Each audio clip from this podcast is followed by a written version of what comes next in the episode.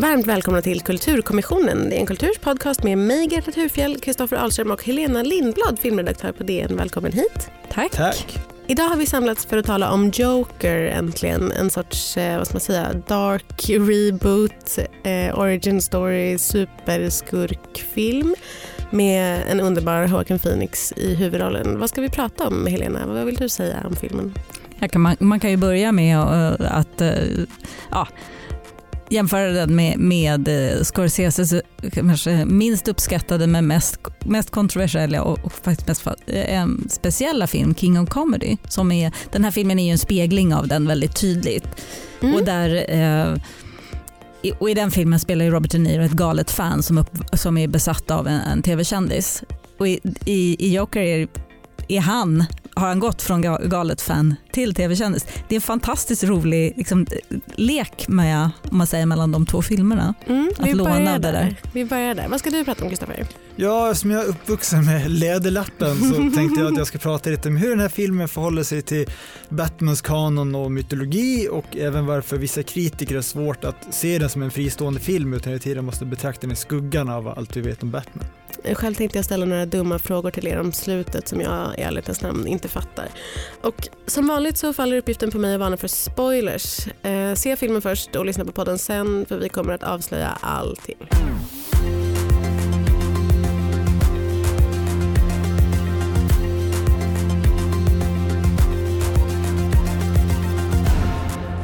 Året är 1981 i Gotham City och hyrclownen Arthur Fleck bor i en nedgången lägenhet ihop med sin mamma. Han lider av en neurologisk skada som gör att han skrattar okontrollerat utan att ha det minsta roligt och drömmer om att bli ståuppkomiker. När hans socialarbetare tas ifrån honom och han får sparken från clownfirman tvingas han hitta nya sätt att hålla sig synlig och få reda på en rad hemligheter om sin uppväxt. Joker är en film av Todd Phillips med Joaquin Phoenix i huvudrollen.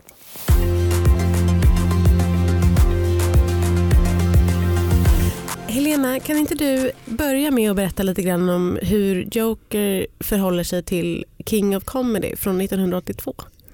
Ja, King of Comedy är kanske eh, den mest obehagliga film jag någonsin har sett. Jag har inte sett den. Jag har fortfarande faktiskt, känner mig fortfarande så här traumatiserad. Jag kanske var 18 eller något när jag uh -huh. såg den. Eh, och det är ju en film av Scorsese. Det är, jag skulle säga att det är en av hans mest spektakulära filmer. Men kontroversiella. Konstigt den som älskar den nu eh, så mycket. Ja, och den har en liten konstig plats tycker jag i hans filmografi. Men det tror jag att har för att folk får så jäkla beröringsskräck av den för att den är så genuint obehaglig. Mm. Um, och den, den möttes av ganska mycket också, inte li, riktigt liknande Joker, men, men, men folk tyckte både, alltså, både den bra och dåligt. Publiken. Den delade ja. publiken ganska mycket. Den fick liksom inga priser och sådär men den är helt speciell och det, i alla fall den handlar om eh, Robert De Niro spelar en en extremt misslyckad komiker som eh, wannabe som heter Robert Pupkin som är besatt av en eh, tv-stjärna, en pratshowkung som um, han till varje pris vill liksom få kontakt med och han börjar, han liksom, i, i hans lite galna värld så är de egentligen kompisar. Mm. Eh, och sen eh, han får han får liksom nobben på det där hela tiden. Eh, och så till, har han en, en tjejkompis, spelad, helt genialiskt spelad av Sandra Bernard, man kan se filmen bara för henne, som också är helt skruvad och också är besatt av den här stjärnan som spelas av Jerry Lewis. Och de två helt enkelt bestämmer sig för att kidnappa honom för att på något sätt övertala honom att tvinga honom och hela världen att låta Rupert Pupkin få sin chans sin, som han tycker rättmätiga chans i rampljuset. Mm.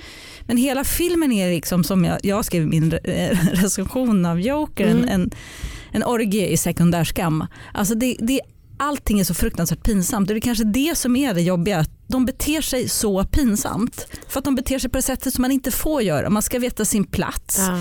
Man ska liksom inte vara, tro att man är någonting om man inte är det i den här kontexten. Eh, påfallande likt eh, eh, Joker, mycket av eh, liksom, handlingen. Och det får man ju säga att det har ju verkligen påpekats i var och varannan text om Ja. Joker. Ja. Man har ju läst några think pieces så att säga. De är ju väldigt noga med att påpeka allihopa så här, den hämtar från det här, den hämtar från den här, Ja. den hämtar från den här. Och Martin Scorsese var till en början producent för den här filmen också.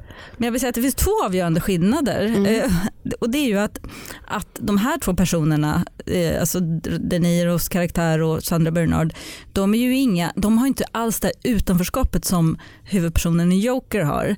Han är ju mycket mer släkt med till exempel huvudpersonerna i, i Midnight Cowboy, en annan känd liksom, Mm. 70-talsfilm, Mm. som verkligen är liksom på väg totalt ut för liksom, både liksom socialt, psykiskt och ekonomiskt. Ja. Ja, jag, jag skulle, det har ju förekommit liksom diskussioner om huruvida Joker ens utspelar sig inom DC-universumet utan kanske till och med utspelar sig inom Scorsese-universumet. Mm. För att det finns ju självklart då liksom också paralleller till Taxi Driver med liksom den ensamma hämnaren som ja, utsätts för eh, det kalla samhället och slår tillbaka mot det. Men även i hur både King of Comedy och Taxi Driver har en väldigt opolitlig berättare som eh, eh, ja, helt enkelt hallucinerar eh, vissa delar av filmen. Till exempel slutet av King of Comedy så är han ju på den här talkshowen man, tills man fattar att det liksom inte alls är så. Och även i Taxi Driver att han hyllas för det här dådet han skjuter ihjäl eh, hallikarna fast det inte alls är så. Och liksom, ja, även där har man dragit paralleller. Och, som du säger, i många 70-talsfilmer, jag tänkte även på Death Wish eller The Exterminator, de här liksom, där den ensamma mannen till slut får nog och, och slår tillbaka. Mm. Ja, det är liksom, vi kan väl prata lite grann om det här med, med eh, Batman-universumet eller DC-universumet. För att det är ju en film som tyckte jag nästan förvånansvärt mycket förhåller sig till, till Batman. Eh, ja, både och kan man väl säga eftersom den egentligen på många sätt och under ganska lång tid absolut inte gör det. Eller att det bara förekommer lite grann i periferin av filmen. Sen visar det sig att det inte är så och slutet och allt sånt där ska vi prata om senare. Men, men, men tycker ni att den hade lika gärna kunnat vara en... Kristoffer, du som är väldigt intresserad av serietidningar. Hur kände du? Kände du att den hade varit liksom bättre om den överhuvudtaget inte hade haft med Joker att göra? Och hade man Alltså, kunnat tycker- göra den så? Jag tycker absolut att det är en film som står på egna ben och eh, jag tycker kanske framförallt så har varit förvirrande för filmkritiker hur de ska förhålla sig till det. Är det en film i superhjältegenren eller inte? Eh, det man kan säga, det som är liksom stora grejen med serietidningsjokern är ju att han är, ingen vet egentligen vem det är, eh, ingen vet varför han någonsin gör som han gör, han beskrivs bara som en agent of chaos, han har liksom inget annat syfte än att skapa anarki och, och vända upp och ner på, på saker och ting. Mm. Eh, och då är det klart att det är problematiskt att man då ska döda hela den mystiken genom att dels ge eh, Jokern en, skapelseberättelse och till och med namnge honom, vilket även Tim Burton gjorde 89 då, Mm. han kallar honom Jack Napier, här är Arthur Fleck. Ehm, och även att man ger honom ett faktiskt motiv, att eh, det här är en, en person som har knuffat sig långt ut på, på kanten av liksom sitt sinnestillstånd och samhället att han till slut slår tillbaka och det blir liksom även någon slags klasskampsberättelse av det här vilket ju går väldigt långt ifrån det här otroligt obehagliga när man inte förstår en persons ja, motivation och drifter utan den bara gör saker. Och, och det kan vi känna men och sen finns det också, jag ska bara säga snabbt att den förhåller sig ändå till de två mest kanske klassiska eh, Batman-verken. Eh, dels Killing Joke av Alan Moore där man också får en slags skapelseberättelse om Jokern som misslyckad ståuppare som bara utsätts för en efter andra. Hans fru dör i någon freak accident och sen för att få pengar så kan råna eh, plundra kassaskåpet på en fabrik och ramla ner i en eh, tunna Syra ja, precis. precis. Men sen även i Dark Knight Returns av Frank Miller så finns det eh, där Jokern är med på en stå-upp-show där man uppenbarligen är David Letterman. Man har liksom Mm, mm. modellerat det efter och då är också den andra gästen i programmet är någon Dr. Ruth liknande sexolog som, som Jokern kysser precis som sker i den här filmen då så det liksom knyts ändå ihop så men De har inte hämtat det ur ingenting. Todd Phillips har inte hämtat det ur ingenting. nej precis det finns lite där men, men annars är det väldigt lite den har egentligen med det här med att han är liksom som du säger, Jokern är traditionellt liksom bara en anarkist på något sätt och en så här obestämbar kraft på något sätt och man vet inte, man, man känner honom inte och man liksom kan inte sympatisera med honom på ett liksom känslomässigt plan eller vad man ska säga, känna empati för honom. Um, du skriver i din recension också Helena just om liksom klassaspekten av det och Batman, eh, jag som framförallt har, då har en relation till Christopher Nolans Batman-filmer tycker ju att det är liksom klass aspekten av det är ju väldigt, väldigt, väldigt förekommande. Batman är ju jättemycket en historia om klass, bara inte just Jokern. Och här så blir också han liksom en, en ett offer för liksom, klassamhället. Eh. Ja. Ja. Vad tycker du? Är det, Eh, Jag, jag, ska bara koppla till det där som som Kristoffer sa om, om, om serietidningsvärlden. Jag tycker att för mig är det i grunden helt ointressant. Men jag gillar ändå, måste jag säga, den här liksom lilla laddningen som det ger. mm. Att liksom ha den som en fond eller som någonting, liksom som en liten verktygslåda som man kan plocka upp lite grejer för att använda. Och där tycker jag faktiskt att det är, det är, det är på något sätt smart. Eftersom jag då tycker att han verkligen Todd Phillips i den här filmen fördjupar liksom det här klassperspektivet och liksom på något sätt också visar upp det på, gör det mer, ännu mer synligt. Mm. Ja, och liksom i, just i Christopher Nolans filmer så är det ju väldigt synligt tycker jag och det handlar ju väldigt mycket om det, kanske framförallt den sista, men den första filmen också i och för sig. Men, men eh, just därför så tyckte jag att det var så här, ja men det är, ju- det är ju liksom att ta in Jokern i det också liksom och förklara hans liksom, eh, person med samma mekanismer som de andra liksom, Christopher Nolan Det här är ju ett försök lite att förmänskliga Ja. liksom hela att göra, liksom ta, ta det, fram det lite mer mänskliga kanske i serie superhjältevärlden. Ja. Ja, men jag måste säga att jag ändå gillar vad den här gör med, med Batman-myten. För att det ursprungliga, hur Batman skapas, så mördas hans föräldrar av liksom en slumpmässig rånare som Mm. heter Joe Chill, då enligt den ursprungliga eh, berättelsen. Och det är bara att han bara råkar, han, han rå, skjuter dem för att eh, han ska åt eh, hennes pärlhalsband. Mm. Här finns det ju en mycket större, och där är också Thomas Wayne är ju en läkare egentligen som i sin tur har ärvt- ärvt en förmögenhet av sin far Patrick. Eh, men här finns det liksom i, ehm, i den här slutscenen, nu spoilar vi friskt som vanligt i den här podden, Varsågod. så är det ju en av de här personerna som har sugits upp i den här Joker-massrörelsen som en av de här liksom unga, desillusionerade, ja, de som inte har någonting, som sen då känner igen Thomas Wayne eftersom han i den här versionen är liksom en ja vad ska man säga, en, en, någon slags pengamagnat, förmodligen någon slags Wall Street eh, finanshöjdare Mm. eh, som dessutom försöker göra politisk karriär genom att hela tiden prata väldigt populistiskt om liksom, ja, de här utsugarna och parasiterna som är som Precis. råttor och liksom bara livnär sig på De Ja. är så besatta i Batman-universumet av, eller i DC-universumet av vem som är borgmästare. Mm. Så här, borgmästaren är alltid en av huvudspåren. Liksom, spåren. vem ska vara borgmästare? Vem ska Men jag ska bara avsluta min tanke och Ja. därför tycker jag det är på något sätt är snyggt gjort att det här mordet rent av har en politisk motivering och att, att det är till och med ur sprunget ur klassamhället eh, och att man syr ihop den säcken väldigt snyggt till skillnad från det här rent slumpmässiga rånmordet som är vanliga berättelser. Jack Nicholson har gjort Joker tidigare och Heath Ledger har gjort Joker tidigare. Nu har Joaquin Phoenix fått tolka. Osynliggör du Jared Letos prestation i Suicide Squad? Jag har faktiskt inte sett Suicide Nej, det Squad. men- gör inte herregud. Nej men jag är typ lite sugen på att se den. Men ehm, var tycker ni att Joaquin, hur tycker ni att han liksom förhåller han sig till tidigare Jokers alls eller eh, gör han helt sin egen grej? Hur lyckas han? Har man en helt annan känsla för den här Jokern än man har för de tidigare? Det har vi redan sagt ja till. Vad tycker du Helena? Ja, jag, alltså, jag känner, det känns ju som för, för mig som han spelar i en, en, i, i en helt egen liga Mm. och, och vill göra det och vill göra Mm. liksom något, något magnifikt av detta. Eh, och sen tycker jag att han är mycket mer av ett offer också. Mm. Det här är ju liksom, hela hans tillvaro är ju, det tror jag är grejen för mig med den här filmen, det är liksom den här Golgatavandringen. Liksom. Mm. Det är den här extrema, eh, närmast, jag gjorde faktiskt en lite konstig referens till Leviatan. Precis jag tänkte på. Alltså han, han bara är så jävla offer för alla helvetes omständigheter. Ja. Och det finns liksom så också, det, det som närmast är ryskt oförsonande. Ja, Verkligen. Ja, jag, Vilket ju i sin tur är bibliskt, för den är väl baserad på Jobs bok, för mig. Ja, vill just det. Som bara testas, testas liksom av, Och den har ju också den där, liksom, att den, liksom, maktalliansen är ju mellan staten och kyrkan Mm. och kapitalet. Så att säga. Mm. Så att det är liksom en extra twist på det religiösa. Ja.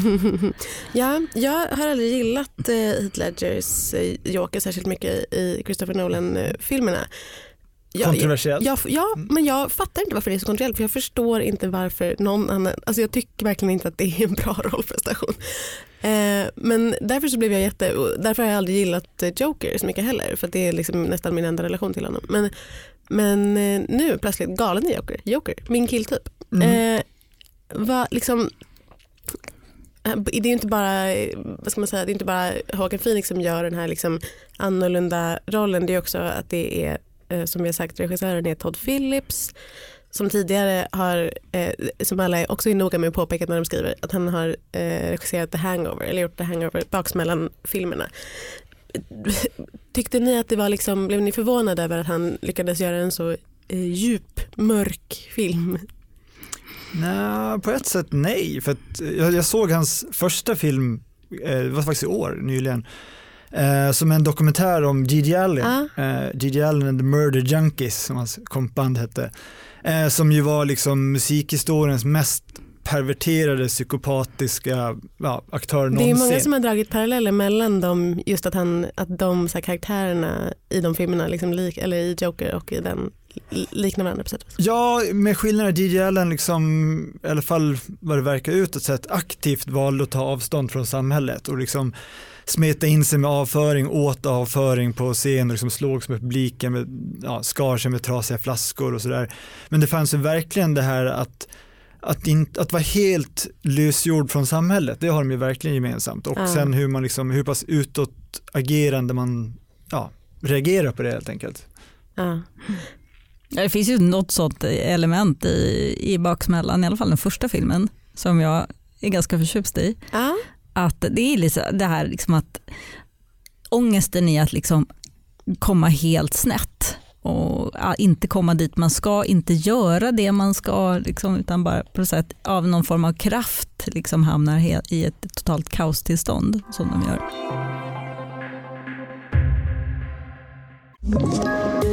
Poddtips från Podplay. I podden Något Kaiko garanterar östgötarna Brutti och jag, Davva, dig en stor dos skratt. Där följer jag pladask för köttätandet igen. Man är lite som en jävla vampyr. Man har fått lite blodsmak och då måste man ha mer. Udda spaningar, fängslande anekdoter och en och annan arg rant. Jag måste ha mitt kaffe på morgonen för annars är jag ingen trevlig människa. Då är du ingen trevlig människa, punkt. Något Kaiko, hör du på Podplay. Därför är gardinerna. Jag önskar att vi inte ska upprätthålla oss så himla länge vid det här för att jag tycker att det är i ärlighetens namn ganska fånigt och nu är det jag som är programledare så då får jag bestämma det men vi måste prata lite grann om det. Mm, Joker har på förhand fått eh, liksom mycket uppmärksamhet för att den ska vara en sorts, vad ska man säga, att den ska vara som en eh, hyllning eller ett sätt att förstå eller ett sätt att liksom porträttera eh, eller inspirera eh, den så kallade inceln, alltså eh, alla vet, som lyssnar vet vad det betyder. Och mycket på grund av den här skjutningen som har varit då vid en tidigare eh, liksom Batman-filmvisning i USA. Också. Va, när ni såg filmen, kände ni då att det fanns en risk för det? Helena, du får börja. Eh, Var det på pressvisningen? Ronny Svensson, du får maskinrör. Gossen kommer muddras. Ja, jag såg på den här visningen med ja, vad ska man säga, hela Sveriges influerar eh, krets. Så Jaha. om någon hade eh, Okej. sprängt en bomb där så hade det blivit lite tyst. På internet? På Instagram. Ja, faktiskt. Det var, det var påtagligt med influerarna där. Men nej, men så här, jag tror om man bara backade bandet till Venedig, eh, det är intressant att de valde att lansera den här filmen Mm, där. mm. Eh, att den fick, eh, att den fick eh, Guldlejonet vilket var eh, väldigt ovanligt att den typen av film prisas på den typen av festival. Och där startade liksom någon slags, blixtsnabb backlash. Där började liksom där, då blev det liksom, nej men eh, att, på sätt legitimt att nu ska vi hata den här filmen fast vi inte ens har sett den. Så började den debatten Jag kommer ihåg där. att jag skrev en, en eh, eh, text då i DN som var precis, fast mot, jag var motsatsen då. Att jag, nu ska jag älska den här filmen fast jag inte ens har sett den. Och den har inte, ingenting med incels att göra. Men jag tror att vi har inte sett slutet på den här eh, debatten fram och tillbaka. Det, det kommer att eh, bölja Mm. länge till skulle jag säga. För nu, och det blir intressantare när folk har börjat se den också faktiskt. Eh, men jag känner mig helt främmande för eh, det här att, det skulle vara, att den skulle vara så våldsam, att den skulle vara uppmanad till liksom, våld och att eh, eh, The Lone Wolf och Incel och alltihopa. Man känner man hallå. Mm. Hur, Mm. alltså våldet i den här filmen det är minimalt jämfört med låt säga valfri eh, superhjältefilm eller vilken actionfilm som helst. Mm. Liksom, där man avrättar arméer av människor. Eh, Verkligen. Så det, där, där känner, det, det är klart det finns, det finns några ögonblick som, som är lite eh, obehagliga eh, naturligtvis. Men nej, så, så jag, nej men jag fattar inte det. Och jag tycker att det också att det är så ahistoriskt, ah, det är närmast antiintellektuellt och det är dessutom också det här vi plockar på något sätt in helt aningslöst en amerikansk kontext. Det här är känsligare i en amerikansk kontext och de är ju också eh, extremt liksom offer för vad ska man säga, politisk korrekthet och, eh, och tycker jag en tilltagande oförmåga att liksom se konst Mm. och utgå ifrån vad det är Mm. istället för att liksom se hur ska det här passa in i verkligheten. Mm. Det finns ju massa konstiga ko- politiska to- tolkningar av det här som jag känner mig väldigt främmande för också som till exempel att, att hänvisa sig till Central Park 5 i de här, Mm. när han blir attackerad. Man känner nej, faktiskt inte.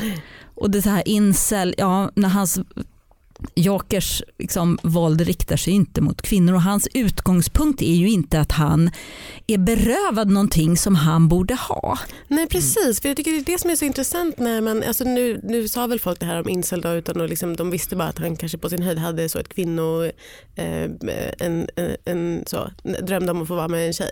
Men det som är så konstigt är ju att han är ju liksom inte alls eh, aggressiv mot henne. Ja, det är lite konstigt när han går in i hennes hus. där. Men, men, men det, är ju, det har ju det är väldigt lite att göra med att han tycker sig liksom ha rätt till henne eller att han över, överlag liksom begår våld mot henne på något sätt. Det är ju bara en fantasi som han har av många fantasier som han har. Så det är ju eh, det är konstigt att tänka sig liksom från första början att det, att det skulle vara att det har med incels att göra. Det är bara så tråkigt eh, trendord som går att liksom Ja, faktum är att smacka är, på den och det är inte ens ett trendord längre. det, det är liksom enda så här, eh, vad ska man säga, skrämmande sexualinslaget som jag noterade, förutom det du nämnde med, med grannen som ju knappast kan beskrivas som sexuellt, det är mer en romantisk fantasi han har. Ja. Men det är när han står på scenen och tar fram sin liksom, klippbok med skämt, han, ska, han uppträder på en stand-up-klubb Mm.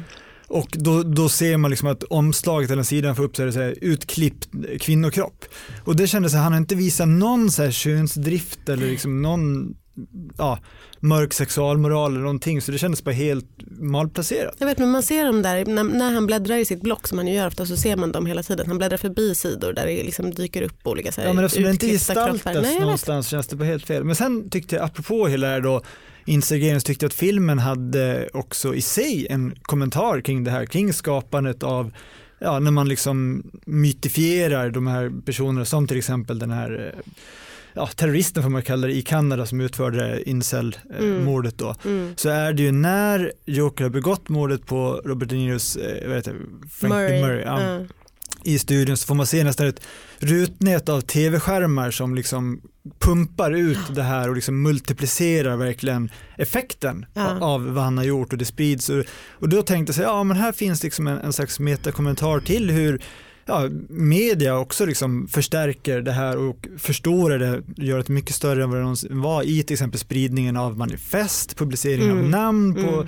Eh, terror, terrorister helt enkelt. Verkligen, verkligen. Och vad man, liksom, vad man kan bli känd för. Typ, Ja, eller så så. precis. Och Ja. man skapar sitt namn.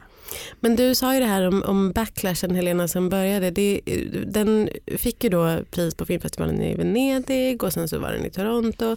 Och sen så har den liksom vad ska man säga, den har, den, sen har eh, kritikerna liksom valt sida. Mm. Alltså, och antingen så är man för eller emot och då tycker man antingen som du att den är liksom, den här typen av film eh, är liksom jättevärdefull eller liksom också för att den porträtterar mycket som man tycker ska porträtteras eller Mm. liksom och gör det på ett bra sätt.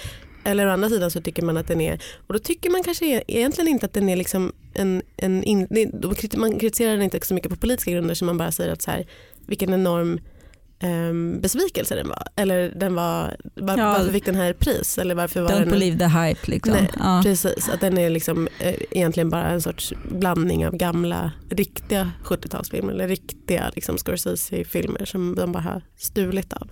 Det är bara liksom, som så här, en serie ställningstaganden. Mm. Mer Varför än att man har gjort liksom, ett eh, arbete. Liksom. Ja. Varför kommer den eh, backlashen tror du? Eller vad, vad beror det på att man liksom känner ett sånt behov av att markera emot den? Som kritiker eller som think piece-författare? För vissa tror jag, nu, om jag bara går från kritiker så tror jag att man känner att man vill vara på, rätt, man vill, man vill vara på rätta sidan. Mm. Man vill inte vara, eh, hamna fel. Men varför är det rätta sidan då? Eh, Alltså, nu säger jag vil- vilken, Ah, ja. vilken sida man än väljer så att säga. Men vi pratade ju tidigare om The Guardians recension till exempel. Precis. Sågning av, där man bara kände att den kritiken sträckte upp fingret i luften och tänkte okej vad är den rätta ståndpunkten om den här nu, när den är kontroversiell, den är våldsam, den, den är vad ska man säga, antisocial, nej den, då bestämmer jag för att den är dålig. Ja. Liksom. Ja. Och det finns ju någonting med liksom så här, eh, ja, nej. Nej, Jag bara tänkte att eh, den hade ju premiär nu helgen. Den har Mm. redan eh, slagit rekord som bästa oktober öppningshelg någonsin i USA. Eh, jag kollade snabbt på IMDB, där har 150 000 personer sammanlagt gett den snittbetyget 9 av 10. Så den är nu nionde bästa film i filmhistorien någonsin. Herregud, Mm, sure ett sånt, ett sånt påstående är väl verkligen att liksom, ja, irritera någon slags reflex hos kritikerkåren när man mycket hellre vill prata om cykeltjuven eller ficktjuven eller vilket, ja, italiensk neorealism istället. Liksom. Men varför tror du Kristoffer då att man liksom känner ett sånt behov av att, att eh, markera? Finns det någonting liksom i, är det liksom ett förakt mot regissören eller är det att man, för regissören har ju också gått ut och pratat mycket om så här, ja, jag kan inte göra sådana filmer som Baksmälla längre för det funkar inte i vårt politiskt korrekta liksom, samhälle. Finns det någonting där som man känner att man är så här, orolig för att hamna på fel sida eller? Alltså, nu ska vi inte underskatta att det här kanske till och med är deras åsikter och att det inte bara är ett positionerande. Det kan ju vara så att man Nej men inte... det är klart, det är klart. Och det är klart att det byggs upp Men förväntningar. varför och fin- delar den publiken så mycket tror du? Ja, jag tror inte att den, den verkar inte dela publiken så mycket som den delar kritikerna Mm. publiken. Lite som vi pratade om Ad Astra eh, Mm. förra gången här. Den hade liksom över 80% bland kritikerna och bara 44% Mm. eh, bland publiken. Och här har vi liksom en, en Motsatt. delvis motsatt. Ja. Men jag tror verkligen att som kritiker vill man väl också så här, eh, vad ska man säga, förtjäna sitt värde genom att visa att jag är en självständig tänkare som inte sveps med i den här vågen. Helena, du viftade med handen. Ja, jag tänker bara att, att det här film som, som har li- lite lider av att den har en regissör som inte är filmens bästa advokat om man säger så. Han har ju sagt en hel del dumma grejer. Ja. Så finns det ju några, han, han hade kunnat, tycker jag, kanske undvika att använda en Gary Glitter-låt. Det, det blir för liksom öppet mål Jag på såg något att sätt. han hade fått kritik för det också. Men Ja, man kan kanske tänka att det också är en sorts eh, kommentar med tanke på vad, vad själva liksom, vad filmen handlar om eller vad som, vad som kommer fram om honom. precis. Det är fullt möjligt. Men jag, jag kan ändå undvika, liksom jag roas av det. Jag tycker att det är en, befriande med någon som, inte, som, som gör det de vill och inte bara försöker tänka efter ah, men hur ska jag vara liksom, smidigast här. Liksom. För det kommer man aldrig, han har, I bästa fall har han gjort den filmen som han själv drömmer om att göra. Och då ser den ut precis så här. Den ser ju väldigt, visuellt sett är den ju ot, otroligt liksom övertygande och, och estetiskt sammanhållen från sekund ett till slutet. I alla fall. Sen kan vi diskutera slutet på ett annat sätt men, ja, men estetiskt. Ja, vi ska faktiskt prata lite grann om själva filmen också och inte bara om diskussionen kring den. Det finns jättemycket som jag vill diskutera och det finns jättemycket som jag vill fråga er framförallt. Um, en sak som, som vi måste nämna är hur otroligt bra Håkan Phoenix är. Jag vill bara ha det sagt, att han är så otroligt bra skådis. Inte bara otroligt snygg utan också eh, fruktansvärt bra i den här eh, rollen. Jag håller Ja, helt med dig. Ja, ja, det är väl, det är väl till och med, det kan man väl säga att det har varit eh, genomgående inslag även i liksom kritiken av filmen. Att alla Mm. säger okej, men Joaquin Phoenix, det kan vi inte Han är kritisera. perfekt. Ja, precis. Det, och det pratas redan om, det här blir en Oscarsnominering minst. Och så. Mm. Mm. Fast några har ju, säger ju groteskt överspel. Ja, det så. Groteskt. Mm. Det var väl inte groteskt överspel? Nej. Nej, det tycker jag verkligen inte. Han, fan, han, är, han ska vara jokern. Liksom. Mm. Det, går inte det går typ inte att spela över jokern. Det är ju ingen realistisk film det här. Nej. Liksom, det, är det, är ingen, det är ingen dokumentär. Han, Nej. Men, men jag, Precis. tycker verkligen att han gestaltar på ett realistiskt sätt, även om jag inte känner till om det faktiskt finns en, en åkomma eller ett besvär som är det här krampaktiga skrattet Det han har finns. som är liksom, det är Det finns en faktiskt sån sjukdom. något Tourettes liknande Ja. att man liksom, ja. Precis, men eh, Håkan Phoenix sa i en intervju att han inte var säker på att Arthur Fleck faktiskt hade den. nej, de, är, de är ehm, väldigt liksom, ja. avsiktligt vaga med Precis. allt vad diagnoser, han äter sju olika mediciner för att man inte ska kunna härleda till liksom, Exakt. Ja. syndrom eller så. Men det tycker jag är jättebra det här liksom att han verkligen försöker hålla tillbaka och det är lite som när man typ, jag vet inte, sitter på bio och har liksom ett, ett hårstrå i halsen eller någonting och man, så här, man får panik och så, här, får klökningar. Ja, det är väldigt äckligt. Det är väldigt liksom fysisk hela hans prestation måste man säga. hosta så. Ja, också eh, som han ju stolt har talat om att han har gått ner så otroligt mycket vikt, vilket han ju har. Eh, En sak som jag eh, skulle vilja att vi pratade om är dansscenerna. Det finns ju en eh, dansscen som sker när precis när, när Joaquin Phoenix har begått sina, Arthur Fleck har begått sina tre första mord. Han kommer in på en offentlig toalett och liksom har rusat ifrån eh, brottsplatsen och kommer in på en toalett och ställer sig och dansar framför spegeln. Blev ni förvånade av den scenen? För det blev jag. Nej, alltså det, det är en person som beter sig extremt irrationellt. Mm, förvisso. Sen är det i och för sig intressant med hans danser, för det är ett par olika Mm. han gör, Mm. är att de varierar precis som hans skratt. Man inser att han har ett skratt när han fejkar, när han tror att här är det, det socialt korrekta att skratta i en situation, då har han ett väldigt gällt skratt. Ja, som när han sitter på eh, ståuppklubben och skrattar på fel ställe. Och på och samma sätt med dansen så har han en dans som är liksom aggressiv och ganska sexuell, han liksom drar med Ja, armarna visst. och liksom Ja. skjuter med höfterna i liksom Ja. en väldigt, ja, en aggressiv dans. Och sen finns det den som är lite mer så här, ja, finlämmad Ja. kan man säga. Och, och det är väl också de olika betydelserna, de här aggressiva det är när han verkligen börjar leva ut som Jokern har liksom, han begår mord, han, han slutar med sina mediciner och jag tänker att det är liksom, ja, dansen på något sätt manifesterar vart han befinner sig på den här förvandlingsskalan. Mm. Och morden som han begår då? För att vi kan, när jag skulle försöka minnas här så var jag så här, hmm, hur- många var det egentligen? Först så eh, dödar han de här tre eh, liksom, eh, finansbankvalparna. och sen så och det är ju det som gör att han, liksom, han, han kommer igång, eller man ska säga, han kommer loss och han så upptäcker någonting om sig själv som man inte visste tidigare. Och han, Han slår säger- tillbaka första gången. Det är på något sätt att precis. Det är som att eh, oj, jaha, jag kunde faktiskt eh, göra någonting själv. Ja. Och även det är då han får medial uppmärksamhet och han liksom, ja, för första gången ser någon mig. Ja, För att exakt. jag som gjorde han det här. till sin socialsekreterare där första gången. Så att är jag det, det föder väl liksom också tanken att ja, nu kan jag leva ut och bli sedd som en i samhället, inte bara någon som folk undviker eller säger till mig att inte prata med och så. Mm. Och sen hade han sin mamma, sin eh, kollega som har gett honom ett vapen och sen eh, skvallrat på honom. Och sen Eh, Murray Franklin. Murray Franklin I i direktsändning. Precis. Eh, ja.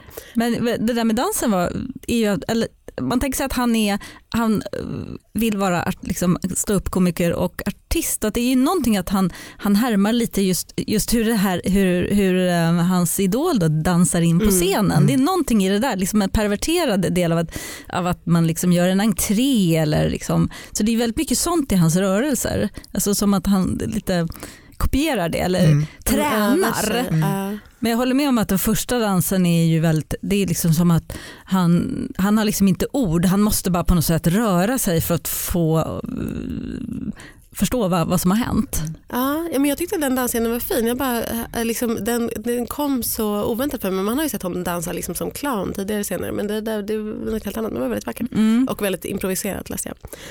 Ehm, ja men precis, men, men det här med, liksom med morden då, för att han blir ju då i medierna eh, omskriven som den här eh, okända clownen som har liksom eh, slagit tillbaka mot de rika eller så. Mm. Eh, det står, det är, man ser någon tidning där det är en rubrik som är så här kill the rich, en ny trend.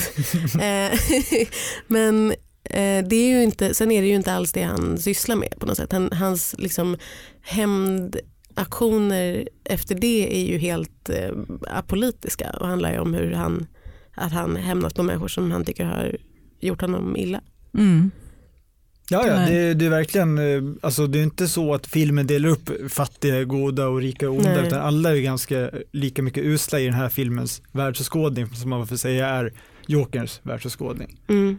Och det här med mamman då, eh, DNs eh, idé och kritikredaktör Johan Hilton som har ett intresse för mammor vill att vi diskuterar just eh, mammarollen och då skulle jag vilja fråga er det här för att han bor ju med sin mamma och mamman skriver brev till Thomas Wayne som han till slut så tar han ett av de här breven och läser och då så, får, så står det i brevet eh, jag och din son behöver hjälp. Han skulle alltså vara eh, halvbror till Bruce, Wayne. Eh, Ett, vad tycker du om det, Kristoffer?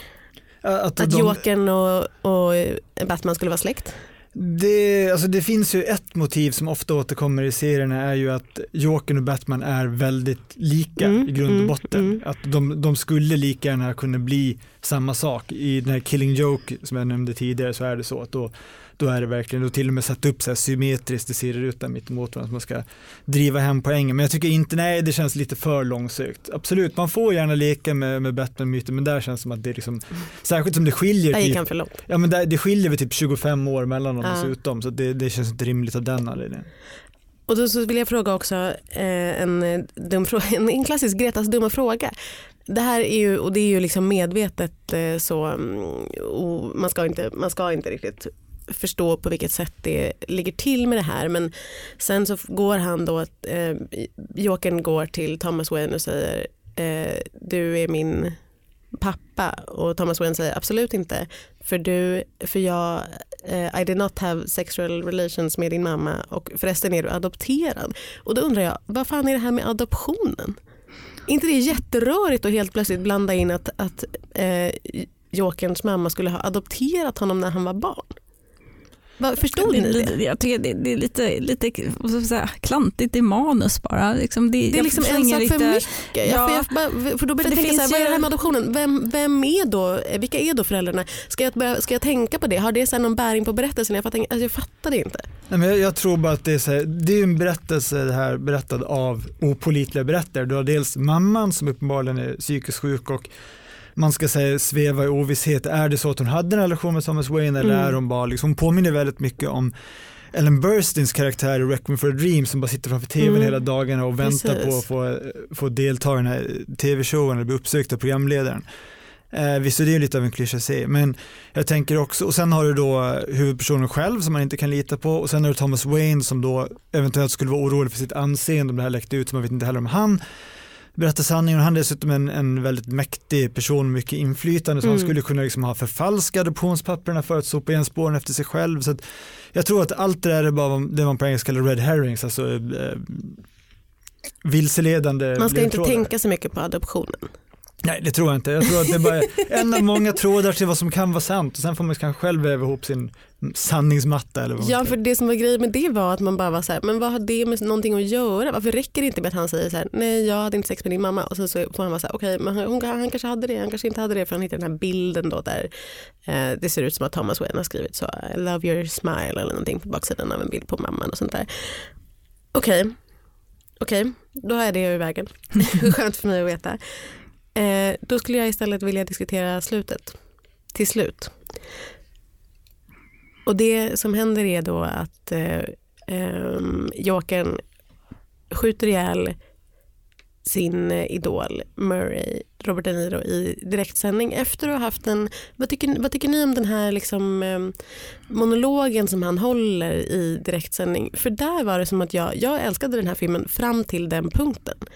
Och efter det, då var det som att jag liksom eh, föll ur någon sorts så här trans. Men varför det? Därför att jag tyckte att han inte var bra då. Jag tyckte inte Håkan Phoenix var bra då. Jag tyckte han sa så här dumma saker. Jag bara, jag har inte alls någon empati kvar för dig. För jag tyckte det var så här övertydligt när man skulle dra ett skämt och vara så här, vad händer om man korsar en enstöring med ett samhälle som inte kan ta hand om enstöringar? Jag bara, men gud, Ja, vi det- fattar, Ja, säg Precis, inte det. Exakt, det blir liksom alldeles för övertydligt Mm. och förklarande och det gav också hans roll en, en motivation som vi varit inne på tidigare som inte behöver liksom kläs i ord. Mm. Och jag vet inte, jag tyckte också många av de här scenerna med liksom när han faller igenom sociala skyddsnätet, det kändes, jag vet inte, det, man har sett det så många gånger förr, det, det kändes så klyschigt att så här, nu ska vi visa hur en vanlig människa bryts ner av systemet och sen bara blir det liksom en uppradning av sådana situationer. Men jag håller med om att det inte är så originellt men jag tycker liksom att det funkade fram till den punkten där jag plötsligt blev så här, men gud vi fattar. Och då vet jag inte om det är att det bara är att, de liksom, att, att folk inte har fattat eller att de har skrivit in liksom jättemycket för säkerhets skull bara så att de ska slippa Alltså, det, det, finns ju ett genialt slut och det är ju demonstrationen när han ligger på, på bilen. Ja, den är alltså otrolig. där, Den är där otrolig. är ju, det är liksom i, alltså, eh, närmast episkt Mm. ögonblick faktiskt. Ja men då har jag blivit deras Messias liksom. Ja, men, men min tolkning är faktiskt att, att um, Todd Phillips, alltså han, han har ju skapat ett revolutionärt monster här och han blir skraj för sin egen skapelse. Han, blir- Mhm. liksom, han blir tvungen att desarmera, eller vad ska man säga? För du gillar inte heller slutet vilket du Nej, skrev men i din alltså, recension. nej, jag tycker definitivt inte om slutet där på, eh, nej, men sådär, det, det där tycker jag, han bara fegar ut hela den där sista scenen på mentalsjukhuset. Mm. Det, är, det är fegt bara. Han blir rädd för sin egen skapelse. Jag vill också fråga eh, om slutet på mentalsjukhuset för jag förstod det och förklarade sen eh, väldigt pedagogiskt för mitt biosällskap att det var en eh, callback till i början. För i början så får man ju veta när han pratar med sin socialsekreterare i början så får man ju veta att han tidigare har suttit på Arkham. Och det är ju den enda scenen som man så långt har sett som har liksom det kritvita blåa kalla ljuset. Och när det kommer tillbaka på slutet så tänkte jag jaha det här är någonting som händer i början.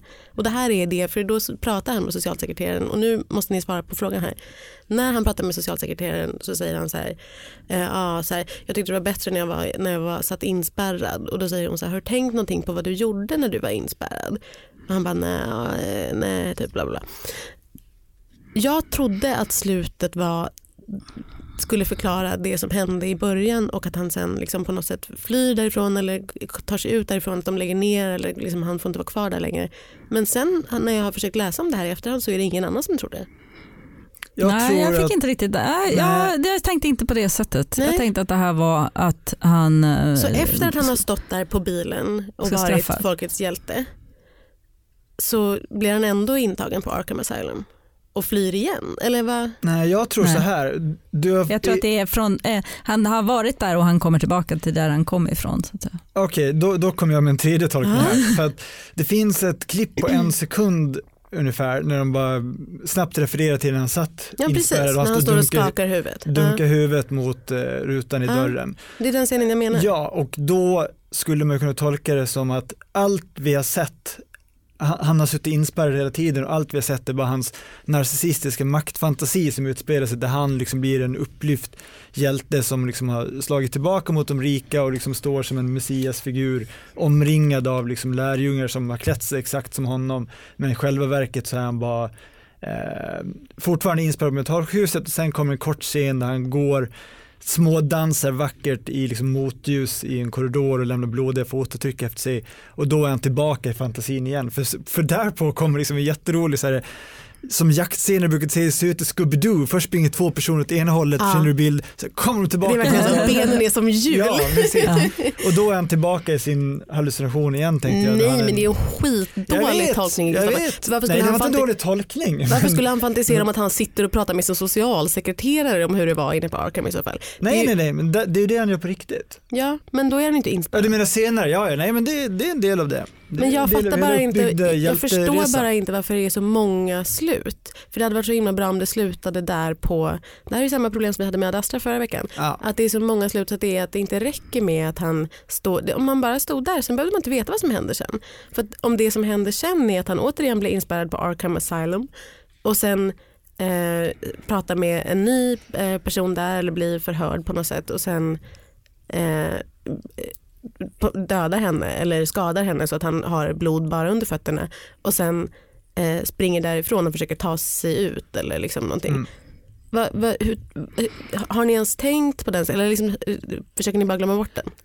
Nej, Jag bara låter det smälta samman Ja. annat. Det är ett litet tecken jag tänkte på som också Hur skulle kunna ses vad som ett- bevis för att allting var en fantasi är ju när han är som mest rockstjärna när han står i trapporna som är misstänkt liknar de här trapporna från Kungsgatan upp till Regeringsgatan. Där, va? När han står och dansar där och polisen står uppe på krönet så spelas ju den här låten av Cream som heter White Room och då skulle Ja. det kunna vara så här, okej, han det för att antyda att han fortfarande är kvar i det vita rummet och det här är liksom hans power-fantasi, den narcissistiska självbilden. Mhm. What do I know? Ja, nej jag tolkar den, den mer eh, liksom, eh, tråkiga tolkningen att om, om man hade slutat där jag tycker att han skulle ha slutat så hade det varit för kontroversiellt. Han måste att han skulle ha straffas. vunnit. Ja. Han skulle ha vunnit. Och det tror jag hade uppfattats som alldeles för eh, svårsmält. Mm. Ja, då har det verkligen Mm. blivit allt det som det har kritiserats för på något sätt. Exakt. Mm. Aha, är det, ni tror att det är liksom ett fegt slut för att, eh, för att det inte skulle bli ännu mer kontrovers kring filmen?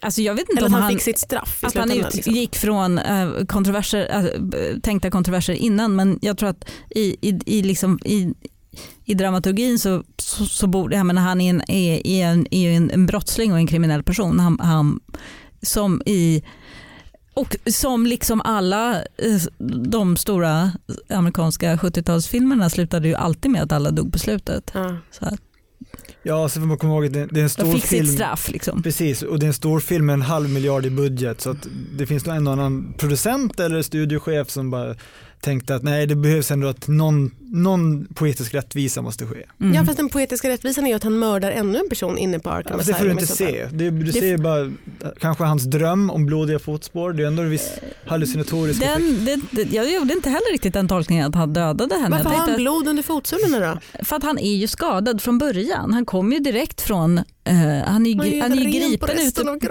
man var ju gripen ute på gatan. Ja. Liksom. Han kan ju ha kvar, ja, jag vet inte. Men det, ja, det Tåls att diskuteras. Det var allt för denna veckas Kulturkommissionen. Vi som har pratat heter Greta Thurfjell, Kristoffer Ahlström och Helena Lindblad. Tekniker var Oliver Bergman och vi är ett samarbete mellan Bauer Media och Dagens Nyheter. Redan nästa vecka sammanträder vi igen då för att hantera att den andra säsongen av Succession till slut är slut. Hej då! Hej då!